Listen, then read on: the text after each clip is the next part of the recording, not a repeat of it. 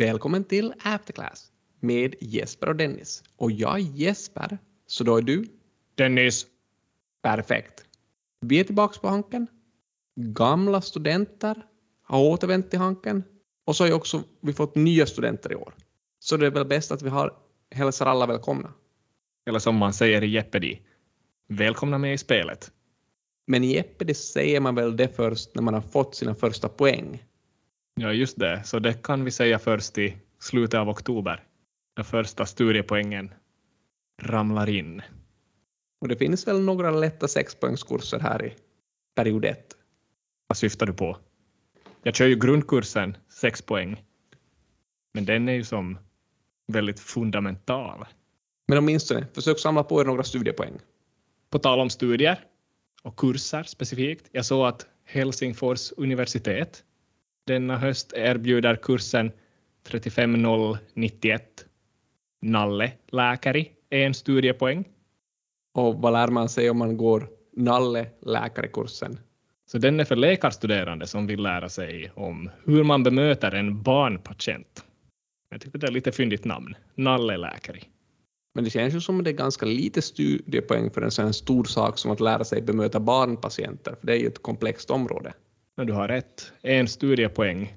På Hanken får man ju det om man lyckas logga in i SISU, tänkte jag säga, men, men, men.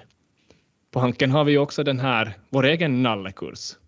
Är det den här kursen Principles of Wealth Management?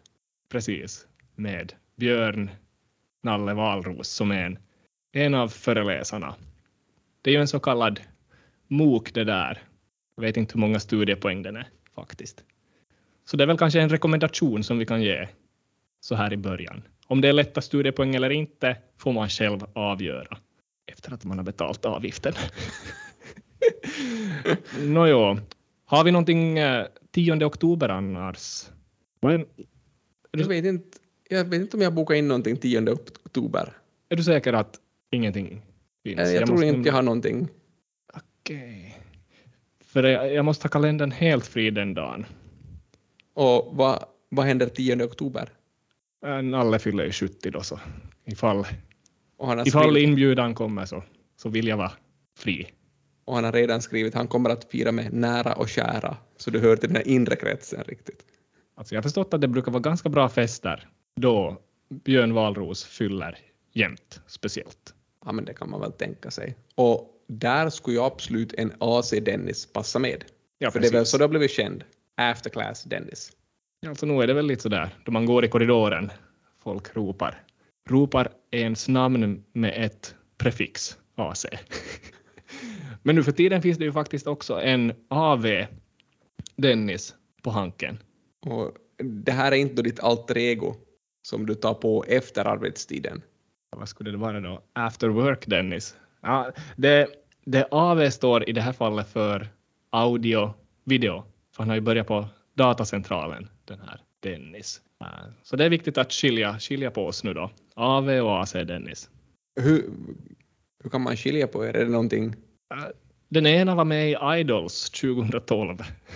Kan vi säga, lämna det där och gå vidare. Ja, kanske ska vi hoppa om till någonting som vi brukar prata om. Och det skulle kanske vara börs och kanske börslistningar. Om jag går in på Nordnets hemsida nu så är det noll börslistningar på gång.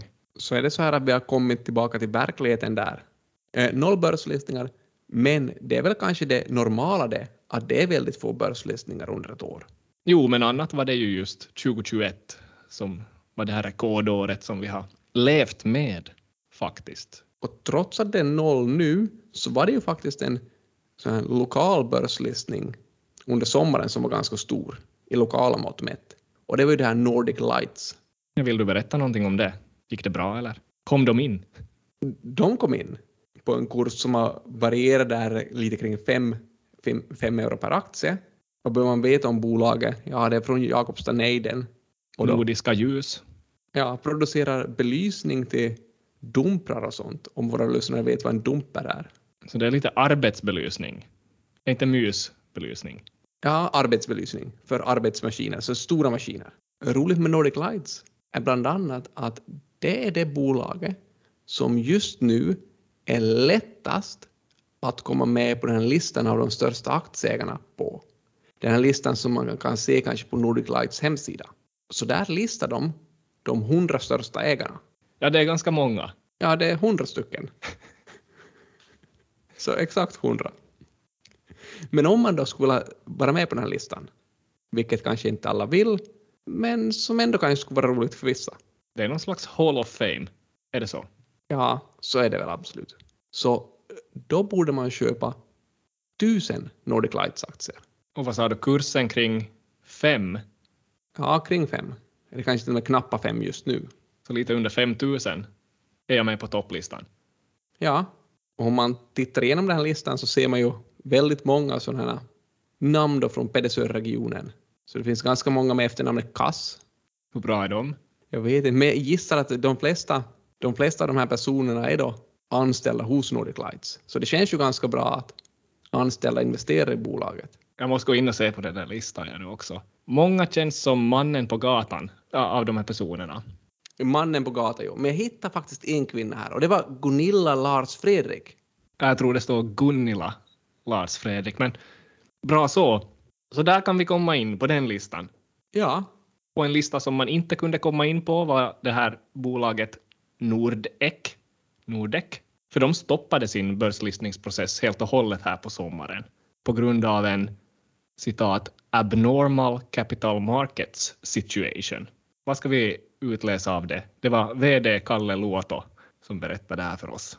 man funderar om den här abnormal egentligen är en normal kapitalmarknadssituation. Jag vet inte vad sysslar det här bolaget Nordec med. Det är lite stål och ramverk för byggnader, så det är ganska sådär fundamentala saker. De tycker de skulle borde vara bekanta med en normal situation egentligen. Det finns också eh, andra företag som stoppade sin börslistning här under sommaren och på något vis, det vittnar väl om att det var inte bara lika roligt längre. Jag menar, Helsingforsbörsen i år till exempel är väl ner ganska mycket year to date och det, det är väl lite regression to the mean här, här för tillfället. Så i sådana här situationer frågar man ju sig varför är det aldrig regression to the nice? Och vi bara fortsätter leverera. Ja, det är ganska stadig, stadig leverans måste jag säga här idag. Ett bolag som vi pratade om i våras som, som listade sig, som vi var lite tveksamma till tror jag i vår diskussion var det här Lifa Air. Minns du det bolaget? Ja, är det ansiktsmasker och sånt som förbättrar luften som man andas in? Ja, det var ju väldigt sådär covid-driven tillväxt och sen då folk slutade prata corona och slutade köpa ansiktsmasker och så vidare blev det kanske normala tider igen för dem. Så de tecknades i april till teckningspriset eh, 3,40.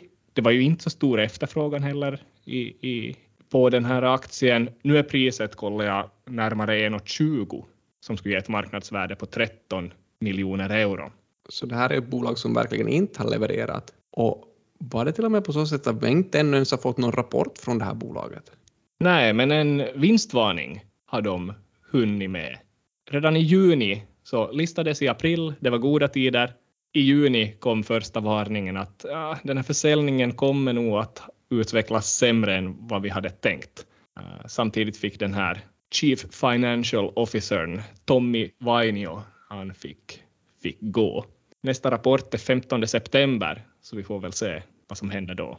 Men det är som, som en läkare sa en gång, inte ser det bra ut inte. Men om vi svänger tillbaka till mera lokala bolag, vi pratar om Nordic Lights, så Duell, Korsholmbolaget, som är specialiserad på motorcykeldelar via onlineförsäljning, eller jag ska säga motorcykeltillbehör, kanske till och med motorcyklar. Så de börsintroducerades ju i höstas och där är kursen ner ungefär 50 procent från introduktionskursen, eller kanske till och med ännu lite mera. Jag tittat som högst var de upp på 8,20 och nu är det 2,44 och listningen var där kring 6 euro. Var det inte så att du också var ganska skeptiska där?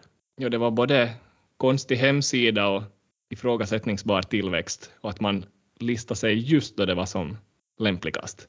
Hur gick det med det där Loihde då? Det här gamla Ja. telefonbolaget?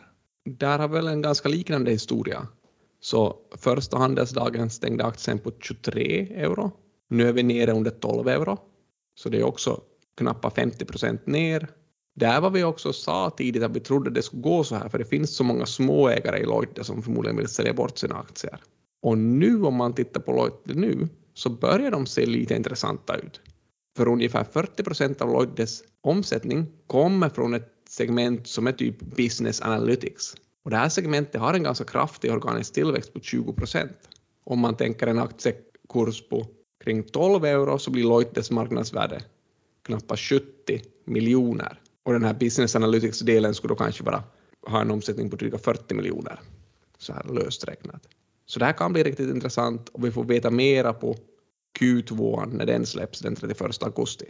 Men än så länge ser det lite dåligt ut också för det bolaget. Spännande med Loihde och ny rapport där.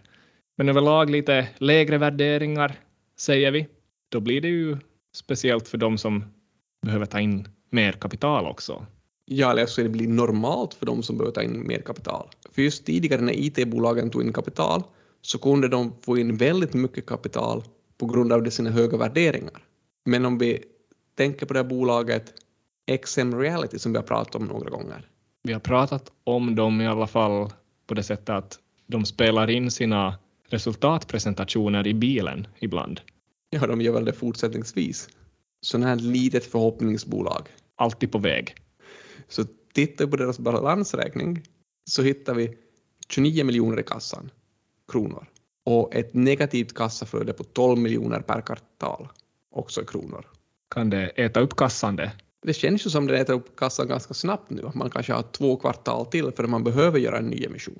Och eftersom marknadsvärdet just nu är 54 miljoner, så om de vill ta in 54 miljoner i nytt kapital kommer de åtminstone att tvingas göra en utspädning på 50 procent. Så det betyder att om man inte är med i den här nyemissionen så minskar, minskar ens ägarandel av företaget med hälften. Och sånt här tror jag vi kommer att börja se nu igen när tiden har blivit normal och värderingarna är inte alltför höga. Det där är ju en ganska bra insikt, tycker jag faktiskt. Någon som inte har insikter i, i allt som man kanske borde ha insikter i här under sommaren så, så var den här Marco Vilenius. Känner du honom? Nej, han är också på väg på den här Björn Wahlroos fest. Han var kanske på väg tills han gjorde ett misstag. Han är ju nämligen, eh, ja han är professor, det kan väl nämnas i sammanhanget, men också styrelsemedlem i ett bolag som heter Technotree. Ett IT-bolag, vad kan man säga, säljer kundhanteringslösningar och analyser och så vidare. Så som IT-bolag har du säkert en helt suverän hemsida som vi kan titta in på för att lära oss mer om bolaget. Ja, om man slår upp technotree.com så ser man en tjur högst upp. Är det bra? Aktieägarvänligt. Det tyder ju på en högre kurs framöver på något vis. Mm. Sen står det också att uh, bolaget är trusted by bolag som Elisa, DNA, så det, är ju, det låter väl som en, en bra kundbas. De är trusted by dem alltså. Men man ser bara referenser från bolag från Mauritius, Cypern, Ecuador, Peru, där någon faktiskt har skrivit något, något omdöme hur bra de är. Så jag vet inte, någon, någonting är konstigt med det här Techno3. Men hur som helst, tillbaks till Marco Vilenius. Så han satt i styrelsen. Det började bli rapportdags. Det var en vecka till rapport och han hade fått ta del av rapporten och insåg att det här ser inte bra ut. Vad är det man inte får göra då som en så kallad insider? Man får inte sälja sina aktier. Och vad tror du Marco Vilenius gjorde? Var det så att han sålde sina aktier? Ja, han bröt mot den här regeln, regeln att man inte får sälja under det här 30 dagars fönstret före rapport faktiskt och sa egentligen bara oho, han hade glömt bort den där regeln. Rapporten som sen kom var väldigt bedrövlig och ja, han, han ångrar sig. Stackars Marco där, men det kanske blev ett litet oops, here comes reality-ögonblick för honom när Finansinspektionen knackade på dörren. Ja, och sen vidare som Eminem sjöng There goes gravity.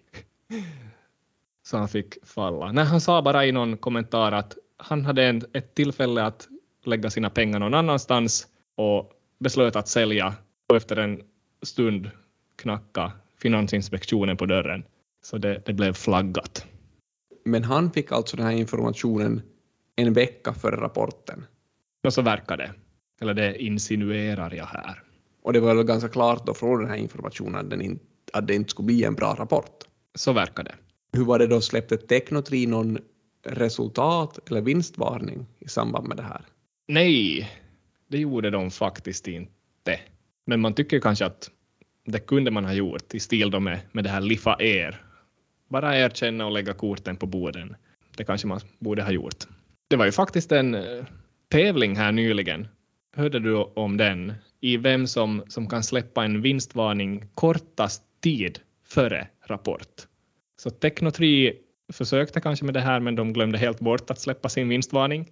Men jag såg att Trainers House, tror vi har pratat om dem, de släpper ju också podcaster, så de är ju lite som oss, gör mycket annat också förstås, men, men jag såg att de, de körde på följande sätt att rapporten skulle komma dag två, dag ett, 15 minuter före börsen stängde, alltså 18.15, släppte de den här vinstvarningen och sa att det kommer att vara ett lite mer difficult operating environment nu, så vi ska sänka förväntningarna lite. Imorgon kommer rapporten. Så det är ju ganska nära. Ja, finns det någon som kunde slå det här? Och då kom Kamux då, någon dag efter, och slog det faktiskt med fem minuter. Så klockan 18.20 meddelade man att den här omsättningen som man tidigare hade trott skulle bli 1,1 miljarder faktiskt bara kommer att bli strax över en miljard. Och sen dagen efter kom den här rapporten. Så det känns lite som att visste man inte det där då, hade man inte den där rapporten färdig före tio minuter före handeln stängdes, är det faktiskt möjligt att det här, man gjorde den där pdfen bara tio minuter före man får hem. Och just då visade det för vdn. Och vdn då, eller finansieringschefen märkte att det här kommer ju inte tas emot väl av marknaden. Eller det här är ju under våra estimat. Ja, det, känns, det känns mycket märkligt faktiskt. Eller är det fel bara helt enkelt på deras IT-system? Men vi är åtminstone bättre på att se in i framtiden än vad Trainers House och Kamux har varit. Ja, vi kan ju faktiskt säga hela en vecka före det smäller på nytt att vi kommer att leverera ett riktigt dunderavsnitt nästa vecka. Och då också med en hemlig gäst. Så det kanske är bara för oss att avsluta. Yes, vi säger det blir nya insikter nästa vecka i after class.